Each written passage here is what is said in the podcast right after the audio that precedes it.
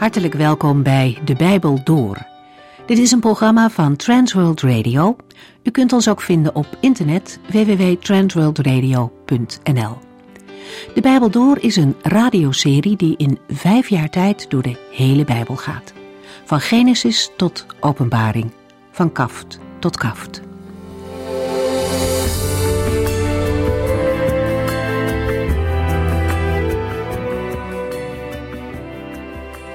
Onze vorige uitzending ging over Psalm 91 tot en met 99. Het is niet haalbaar om elke psalm tot in detail te overdenken. Dat zou op zich wel mooi zijn, maar dan kunnen we deze serie bij lange na niet in vijf jaar afronden. Op deze manier wordt de rode lijn door de Bijbelboeken echter wel zichtbaar. Ik kan me voorstellen dat u bij een bepaalde psalm vragen heeft, die u niet aan de orde vindt komen in de bespreking. Schroomt u dan niet om ze ons te stellen, want wij horen graag van u. Voordat we verder gaan noem ik u nog kort de thema's van de vorige uitzending. Psalm 91 laat zien dat mensen bij de Allerhoogste God een veilige woonplaats kunnen vinden. Allerlei rampen en tegenspoed kunnen mensen overkomen, maar de Heere staat erboven. Hij geeft op zijn tijd en op zijn wijze hulp. Psalm 92 is een loflied. Het is goed om morgens al Gods goedheid te bezingen, zegt de dichter. Maar dat niet alleen. Het lied eindigt ermee dat gelovigen mogen groeien in geloof en juist ook in de ouderdom vrucht mogen dragen. Dan mogen zij anderen vertellen dat de Heere een waarachtig God is. En dan Psalm 93, dat is een loflied, omdat de Heere de ware koning is en zijn troon voor eeuwig zal zijn. Psalm 93 tot en met 100 vormen een eenheid in het psalmboek, waarin Psalm 94 dan toch weer afwijkt. In dit vierde boek van de psalmen zien we een ommekeer. Na de treurige liederen over de ondergang van Israëls koningshuis komt in dit deel van de psalmen naar voren dat het koningschap van de Heere onwankelbaar is. De Heere God is de grote koning en dat feit is niet afhankelijk van aardse omstandigheden. In de komende psalmen zullen we daarover dan ook meer lezen. Psalm 94 lijkt deze serie over het koningschap te onderbreken, maar past er toch goed in. Het thema van deze psalm is dat er weer eerlijk recht gesproken zal worden onder de regering van de Here. En in een wereld vol met onrecht mogen we uitkijken naar de uiteindelijke vervulling van deze psalmen. We lezen nu verder in Psalm 100, die de climax vormt van deze serie over het thema De Heere regeert.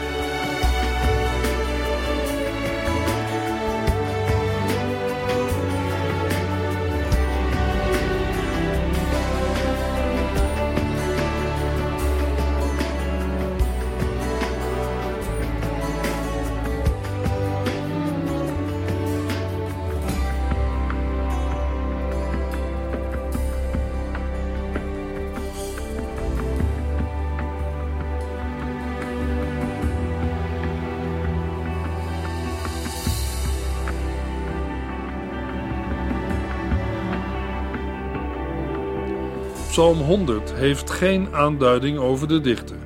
En ook de tijd van ontstaan is niet te achterhalen. De enige mogelijke aanwijzing is dat de tempelpoort wordt genoemd en dat daarom de tempel functioneert voor de eredienst. Psalm 100 is de enige psalm in het Bijbelboek Psalmen met als opschrift een psalm bij het lofoffer. In Hebreeuwse termen gebeurde het bedanken van iemand door zijn daden te verkondigen of door zijn karakter te omschrijven. Daarom gaat het in Psalm 100 meer om het erkennen en het beleiden dan om het danken in de Nederlandse zin van het woord. Psalm 100, vers 1 en 2. Een psalm bij het lofoffer. Laat de hele aarde voor de Heere jubelen. Laat de hele aarde de Heere met blijdschap dienen. Kom bij hem en zing een loflied. De hele aarde wordt opgeroepen om een vreugderoep voor de Heere te laten horen. Net als in Psalm 99 geldt dit niet alleen voor de Israëlieten, maar voor iedere bewoner van de aarde. Iedereen wordt opgeroepen de Heere blij te dienen en hem met gejubel te benaderen. Psalm 100, vers 3 tot en met 5. Bevestig dat u weet dat de Heere de enige God is. Hij heeft alles gemaakt, ook ons en wij zijn van Hem. Wij zijn Zijn volk en Hij zorgt voor ons. Zing een loflied wanneer u de tempelpoort ingaat. Laat het in Zijn voorhof klinken en prijs Zijn naam.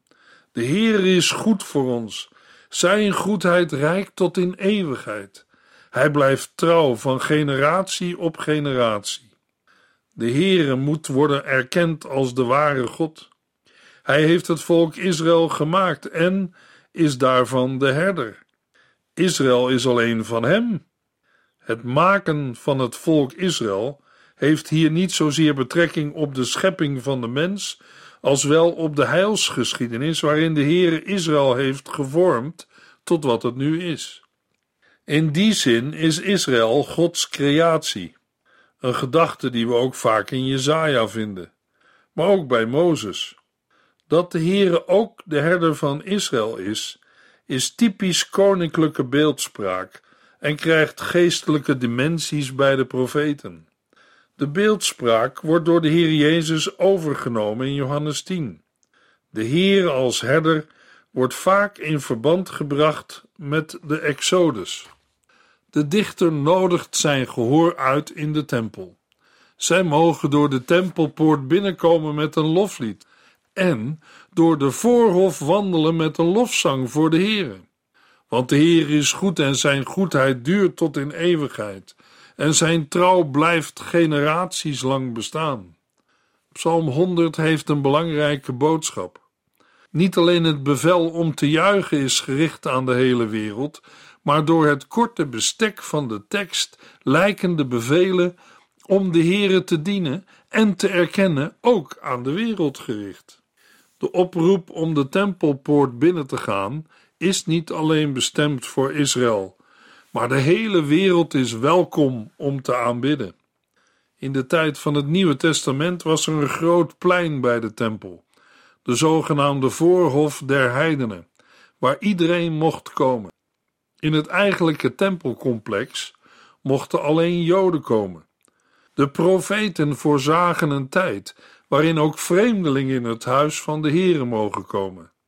Jesaja 56 vers 6 en 7 Ja, allen die zich bij het volk van God voegen, hoewel zij behoren tot een ander volk, hem dienen en zijn naam liefhebben, zijn dienaars zijn en de Sabbat niet ontheiligen, en die zijn verbond en belofte hebben aanvaard, zal ik ook naar mijn heilige berg brengen. Ik zal hen vol vreugde maken in mijn huis van gebed. Ik zal hun offers en geschenken aannemen, want mijn tempel zal huis van gebed voor iedereen worden genoemd. Jesaja 56 vers 7 staat vermeld op heel wat synagogen. De voorgaande psalmen gingen over het thema God is koning. Het woord koning komt in Psalm 100 niet voor. Toch wijst alles erop dat dit lied een voortzetting en voltooiing is van de voorafgaande psalmen over het koningschap van God. Bij deze psalmen zien we telkens een afwisseling tussen psalmen die beginnen met de Heer is koning en de daartussen liggende psalmen die beginnen met een oproep om te zingen of te juichen. We gaan verder met Psalm 101. Psalm 101 is een pleidooi van een koning. De koning wordt in het opschrift genoemd. Het lied is een psalm van David. Hij houdt een pleidooi voor Gods hulp. De psalm kan worden gezien als een wijsheidslied over de levenswandel. Psalm 101 bestaat uit twee delen. Het eerste deel, de versen 1 tot en met 5, bevat de lofprijzing en het pleidooi van de koning, waarin hij zijn oprechtheid en eerlijkheid betuigt. In de versen 6 tot en met 8 gaat dit over in het beschrijven van de zorg voor eerlijke onderdanen en medewerkers. Voor het eerst sinds Psalm 86 wordt in het opschrift weer de naam van David genoemd en heeft Psalm 101, na de anonieme psalmen 91 tot en met 100, weer een vermelding van een dichter. Met Psalm 101 begint een nieuwe serie. Psalm 101, vers 1 tot en met 5. Ik wil een lied zingen over goedheid, liefde en rechtvaardigheid. Voor u, heren, wil ik een psalm zingen. Ik zorg ervoor dat ik zuiver leef. Komt u naar mij toe? Ik leef oprecht en eerlijk. Ik haat de levenswandel van de zondaars. Daar houd ik mij ver van. Iemand met een zondig hart moet ver van mij wegblijven, en misdadigers wil ik niet kennen. Wie stiekem kwaad spreekt over zijn kennissen, wil ik vernietigen. Wie hoogmoedig en trots is, kan ik niet verdragen. David zingt voor de Heere over goedheid, liefde en rechtvaardigheid, de belangrijkste waarden van het verbond. De opening lijkt op die van Psalm 89, waarin de kenmerken van de Heere worden bezongen, voordat de nood wordt uitgeroepen. Maar uit het vervolg blijkt dat er de kwaliteiten van de koning zelf mee zijn bedoeld, mogelijk als een reflectie op hoe hij de Heere ervaart. David schrijft een wijsheidsgedicht over de volmaakte levenswandel. De koning wacht op de komst van de Heere, omdat hij met een zuiver hart leeft, zelfs in zijn paleis. De gebruikte woorden maken nog niet direct duidelijk dat een koning aan het woord is. Maar zijn macht blijkt aan het eind van Psalm 101, vooral in het laatste vers. Zijn koninklijke macht heeft geen verderfelijke invloed gehad op zijn karakter. Integendeel, hij doet er alles aan om Gods gezag en kwaliteiten te weerspiegelen.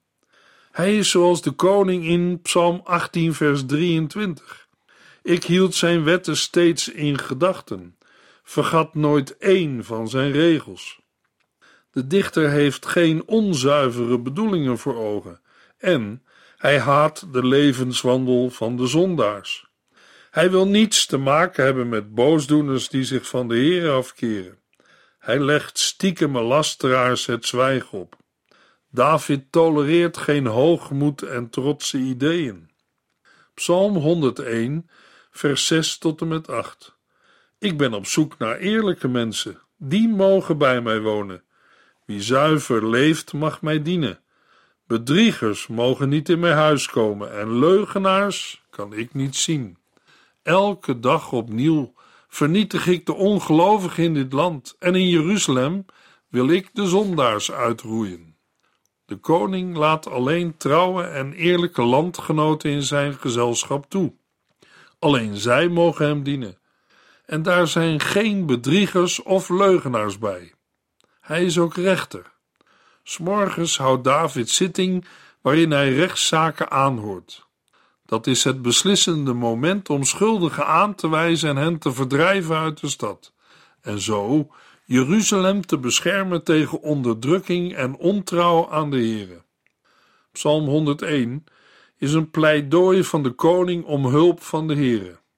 Nu David rechter is, weet hij zich verbonden met zijn eigen rechter, de Here.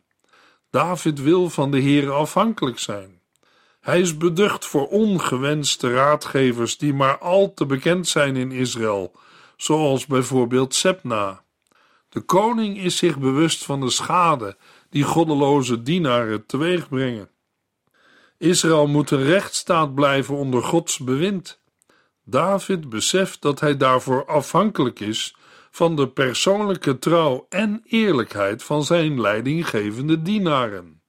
Het is mogelijk de psalmen 101 tot en met 106 als een eenheid te zien, maar ze kunnen ook verdeeld worden in twee groepen. In psalm 101 komt naar voren dat David oprecht wandelt en loyaal is tegenover de getrouwen in het land. De Heere zal zich over Sion ontfermen en als gevolg daarvan zullen de volken en hun koningen ontzag voor de Heere hebben. We gaan verder met Psalm 102. Het opschrift van Psalm 102 is uniek. Het richt zich op een leidende bidder. Meestal bevatten de opschriften muzikale, historische of biografische gegevens. Psalm 102, vers 1 vermeldt: Deze psalm is het gebed van iemand die in diepe ellende zit zich geen raad meer weet en zijn hart uitstort bij de Heere. De psalm is onder te verdelen in drie stukken. De versen 2 tot en met 12, waarin de individuele klacht wordt verwoord. De versen 13 tot en met 23, waarin de individuele klacht wordt overstegen en klacht van de gemeenschap wordt. Daarna volgt de slotbede in de versen 24 tot en met 29. Psalm 102, vers 2 tot en met 12. Heere, luister toch naar mijn gebed. Ik bid dat mijn hulpgeroep u bereikt. Verberg u niet voor mij, nu het mij allemaal te veel wordt. Luister toch naar mij. Antwoord mij toch snel, nu ik u roep. Want ik word zo snel oud en mijn botten doen zeer, ze gloeien. Mijn hart is dor als dood gras en alle eetlust is verdwenen. Door al mijn verdriet voel ik mij lichamelijk een wrak. Ik voel mij als een pelikaan in de woestijn, hulpeloos. Alsof ik een steenuil ben die in de ruïnes zit. Ik kan niet slapen en lijk op een vogel alleen op het dak. Mijn tegenstanders bespotten mij voortdurend. Mijn naam geldt als een vloek voor wie mijn bloed wel kunnen drinken. Ik eet as in plaats van brood en mijn tranen mengen zich met het water dat ik drink. Dat komt allemaal doordat u uw toorn en ergernis over mij hebt uitgegoten. Eerst nam u mij op en toen gooide u mij weer neer. Mijn dagen zijn stil en duister en ik verga. De roep om gehoor, waar veel psalmen mee openen, is in Psalm 102 erg lang. De dichter smeekt dat zijn bidden de Heere zal bereiken. Laat God zich niet verbergen nu hij in nood is. Laat de Heere luisteren en snel antwoorden, want de bidder is ziek, zelfs zo dat zijn dood nadert. Hij voelt een brandende koorts. Hij voelt zich als droog gemaaid gras. Net als Job kan hij niets meer eten. Door al zijn verdriet voelt hij zich een lichamelijk wrak. Hij lijkt wel een verlaten woestijnvogel, een vogel die in ruïnes huist of eenzaam waakt op een dak, wat mogelijk wijst op slapeloosheid. In vers 9 spreekt de dichter over de vijanden die de situatie door hun reacties nog erger maken. Voortdurend bespotten ze hem. De dichter onderwerpt zich aan rouwrituelen. Hij zit in as en stelt dat hij zich ermee voedt. Het dagelijks voedsel verdwijnt en tranen mengen zich met het water dat hij drinkt. In vers 11 gebruikt de dichter de woorden uw en u en geeft daarmee aan dat hij zich nog steeds tot de Heere richt. Heeft God hem niet uit toorn en ergernis opgenomen en weer van zich afgeworpen? Zijn leven is stil en duister geworden als een schaduw die wegglijdt, als gras dat verdort en vergaat. Hij voelt zich door God weggegooid als dor en dood gras. Zo ligt hij erbij, afgesneden van het leven. Psalm 102, vers 13 tot en met 23. Heere, u heerst echter tot in eeuwigheid. Uw naam zal nooit worden uitgewist en blijft altijd bestaan. Eens zult u zich over Jeruzalem komen ontfermen. De tijd is aangebroken om uw stad genade te geven. Uw dienaren houden van deze stad en hebben medelijden met de puinhopen die er liggen. Dan zullen alle volken ter wereld eerbied en ontzag hebben voor de naam van de Heere. Alle heersers zullen uw grootheid erkennen. Dan zal de Heere Jeruzalem herbouwen en er met zijn grootheid en macht gaan wonen. Dan zal hij de gebeden van de armen aanhoren en zich tot hen overbuigen. Laten we dit opschrijven voor de komende generaties. Het volk dat dan leeft, zal de Heere prijzen. Want de Heere heeft hoog vanuit zijn heilige hemel neergezien op de aarde. Hij hoorde het klagen en huilen van de gevangenen en bevrijdde hen die ten dode waren opgeschreven. Daarom zal men in Jeruzalem over de Heere vertellen en zijn naam groot maken. Dan zullen alle volken en koninkrijken bij elkaar komen en de Heere dienen. Hoe kan de Heere die zelf voor eeuwig troont dit doen? Hij is toch de God die zijn verbondsnaam bekend heeft gemaakt.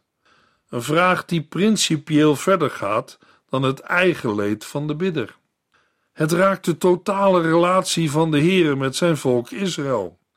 De dichter zoekt naar overeenkomsten met het volk, dat evenzo in nood is door de ballingschap. Die nood betreft ook de berg Sion in Jeruzalem, waar de naam van de Heere generaties lang is genoemd.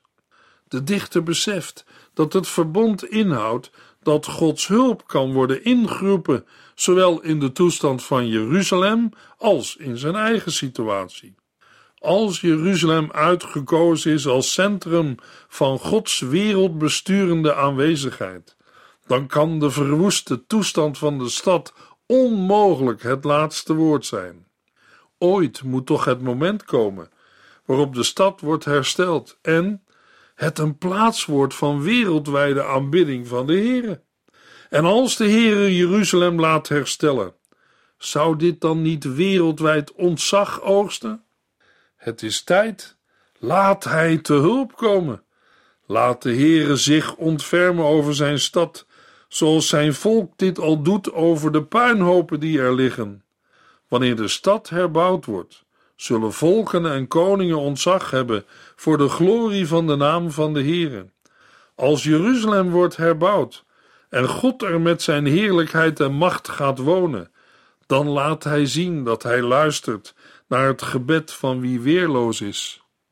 De dichter verwacht dat Gods antwoord op hem en Jeruzalem betrekking zal hebben. Als de Heere tussen beiden komt, kan het worden opgeschreven en toekomstige generaties zullen de Heere erom loven. Ze zullen zeggen: De Heere heeft uit zijn heilige hemel neergezien op de aarde. Hij heeft het klagen en huilen van de gevangenen gehoord. Hij heeft hen bevrijd die ten dode waren opgeschreven. Door de verlossing zal de naam van de Heere worden groot gemaakt in Jeruzalem. Dan zullen alle volken en koninkrijken zich verzamelen om hem te dienen. Psalm 102, vers 24 tot en met 28. Halverwege mijn leven heeft hij mijn kracht afgenomen. Ik leef nog maar kort. Ik zeg tegen hem: Mijn God, laat mij nog niet sterven. Ik ben nog veel te jong. Maar u bestaat al eeuwen. In het begin hebt u de aarde gemaakt en ook de hemel was uw werk. Dit alles zal eenmaal verdwijnen, maar u blijft altijd aanwezig. Alles slijt weg als oude kleren, maar u blijft dezelfde. Aan uw bestaan komt geen einde. In vers 24 keert de dichter terug naar zijn eigen nood. De Heere heeft hem neergedrukt en vernederd, terwijl hij nog in de kracht van zijn leven is. Zijn levensverwachting lijkt drastisch te worden ingekort. Hij bidt daarom dat de Heer hem niet halverwege uit het leven zal wegrukken. Het contrast met de Heere, die zelf eeuwig leeft, is groot. Een voortijdige dood is voor de dichter een schrikbeeld. Hij hunkert naar het oneindige en eeuwige leven van God, met wie hij is verbonden. God maakte de aarde en de hemel. De huidige hemel en aarde zullen voorbijgaan, ze zullen verslijten als oude kleren, maar de Heere blijft bestaan. Psalm 102, vers 29. De nakomelingen van uw dienaren kunnen veilig leven. Het volk dat uit hen voortkomt, zal altijd veilig onder uw hoede blijven. Maar de Heere heeft zich toch verbonden met zijn volk, of het nu een individueel leidende gelovige is of een hele stad. Laat de Heere de nakomelingen van zijn dienaren in bescherming nemen. Laat het nageslacht veilig zijn onder zijn hoede. Een vast geloof in het handelen van de Heere in het leven van mensen dwingt de dichter van Psalm 102 tot de pijnlijke conclusie dat zijn dodelijke ziekte door de Heere zelf is veroorzaakt. Een pijnlijk gevolg is dat de vijanden misbruik maken van zijn zwakte, dat hij het herstel van Jeruzalem niet ziet en er alleen machteloos voor kan pleiten. Door deze accenten is de dichter mogelijk een koning uit het Tweestammenrijk ten tijde van onderdrukking. Israëlieten hebben in de loop der eeuwen deze woorden vaak aangehaald vanuit het diepe verlangen om terug te keren naar Jeruzalem en de stad te herbouwen. Het opschrift van Psalm 102 stelt dat dit gebed een bede is van iemand in nood. Het is als handreiking bedoeld, een gebed dat kan dienen in elke vergelijkbare situatie. Zo roept deze psalm op om zich in een gebed, hoe dringend ook, niet alleen op de eigen nood te concentreren. Corrie ten Boom vertelt in haar boek De Schouwplaats hoe zij met enkele andere medewerkers in het concentratiekamp de gelegenheid had om tijdens het werken samen te bidden. Ze vertelt dat hun gebeden, hoewel er onvoorstelbaar veel leed was, veel verder reikten dan de kamphekken. Ze bad voor overheden, landen, zelfs Duitse militairen. Wie zich niet blind staart op de eigen zorgen, hoe ernstig die ook zijn, doet bovendien recht aan de versen 12 tot en met 14, die het fundamentele verschil blootleggen tussen Gods eeuwigheid en menselijke vergankelijkheid. Het geloofsvertrouwen dat de eeuwige God de vergankelijke mens te hulp komt, wordt in het Nieuwe Testament volbracht door Jezus Christus. Paulus spreekt de dichter van Psalm 102 bijna woordelijk na als hij aan Christus denkt. Op het goede moment verhoorde ik uw gebed. Op de dag van redding kwam ik u te hulp. In Hebreeën 1, vers 10 tot en met 12 worden de woorden van Psalm 102, vers 25 tot en met 27 op Christus toegepast. Here, in het begin hebt u de aarde gemaakt en ook de hemel was uw werk. Eens zullen die vergaan, maar u blijft voor altijd. Zij zullen eens versleten zijn als een stel oude kleren. Op een dag zult u ze oprollen en door nieuwe vervangen. Maar u zult zelf nooit veranderen. Aan uw bestaan komt geen einde. Christus is meer dan de engelen. Leidende gelovigen moeten niet aarzelen hun leed aan de zorgen van de Here toe te vertrouwen. Het herstel van Jeruzalem wijst in het Nieuwe Testament ook op de hemelse stad. In de brief aan de Hebreeën wordt erkend dat de weg daarheen, net zoals bij de dichter van Psalm 102, door lijden heen gaat. In dat hemelse Jeruzalem kent de eredienst geen einde. In de volgende uitzending lezen we Psalm 103 tot en met 106.